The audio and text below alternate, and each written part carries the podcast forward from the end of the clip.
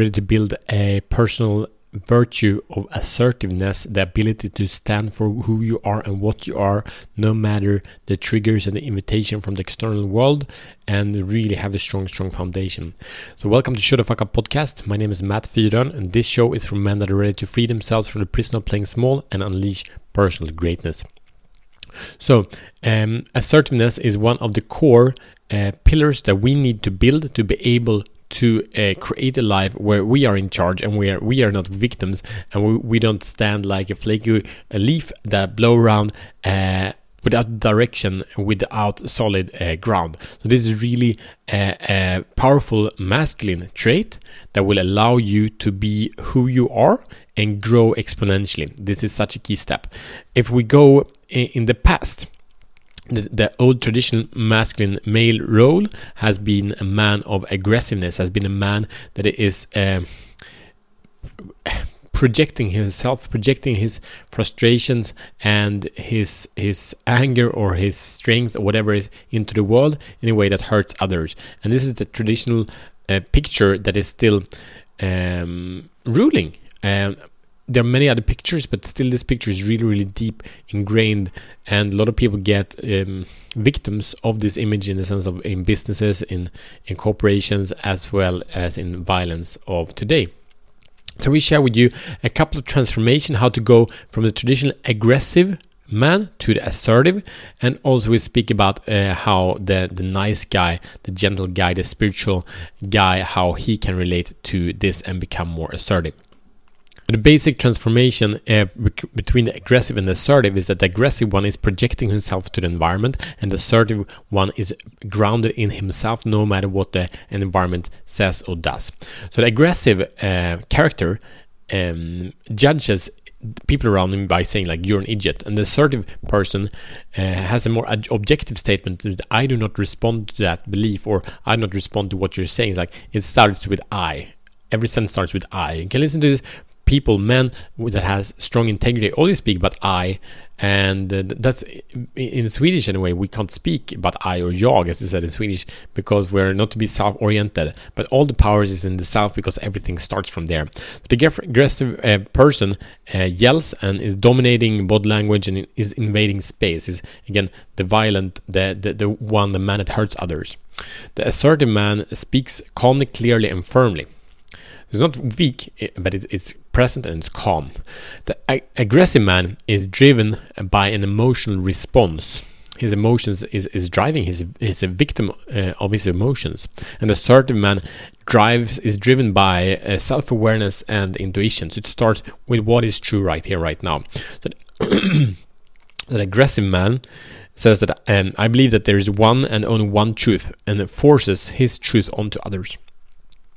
In the third man, he has awareness that um, truth is a matter of perception, but stand true to his own. So just owns any everyone, anyone has the truth. I'm to see yours. I'm to see mine. I'll fight for you, my truth, but I'm not necessarily uh, fighting over you. But sometimes I do. Um, and the aggressive man says, "My ego drives my desire to be right." The assertive man says, uh, I witness my ego in moments when I feel misunderstood. He doesn't become it.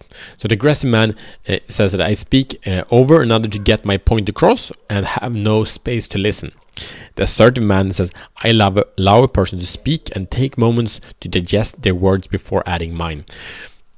So again, the, the aggressive man has a lot to win and has a lot to lose to take over space, to claim space, because he's coming from a place of fear. He's coming from a place, if he's not recognized or seen, he actually disappears because he's only uh, living in, in, in complete reaction to his environment. But on the other side, the certain man is no matter what, no matter what is happening to him, he's always there, he's always grounded, he's always centered, and nothing can push him over. That's a place of power. And then to speak about the nice, guy. the nice guy is basically doing the very opposite of the aggressive man. Instead of uh, living in reaction and pushing over, he gets pushed over.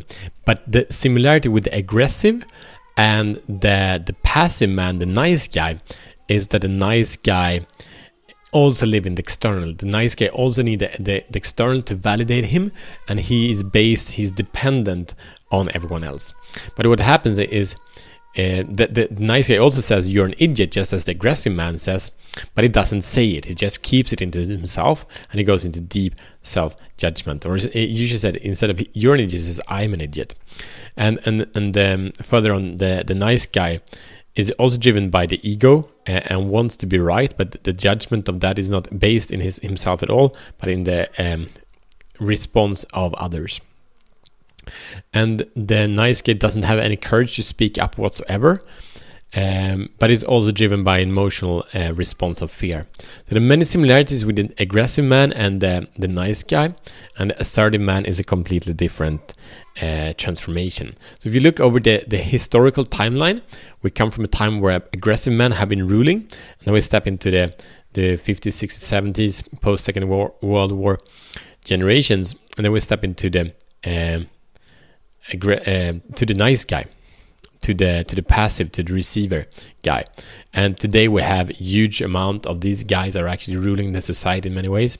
And then we step into the assertive, and that's what showed the fuck up to free men from the prison of playing small.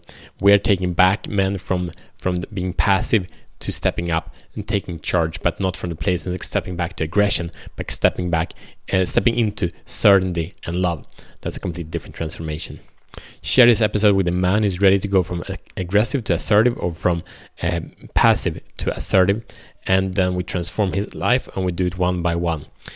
Uh, challenge for you is to identify where you're being aggressive, where you're being passive, and check in how you can be assertive and be do that action for one week. Thank you, and I see you tomorrow as better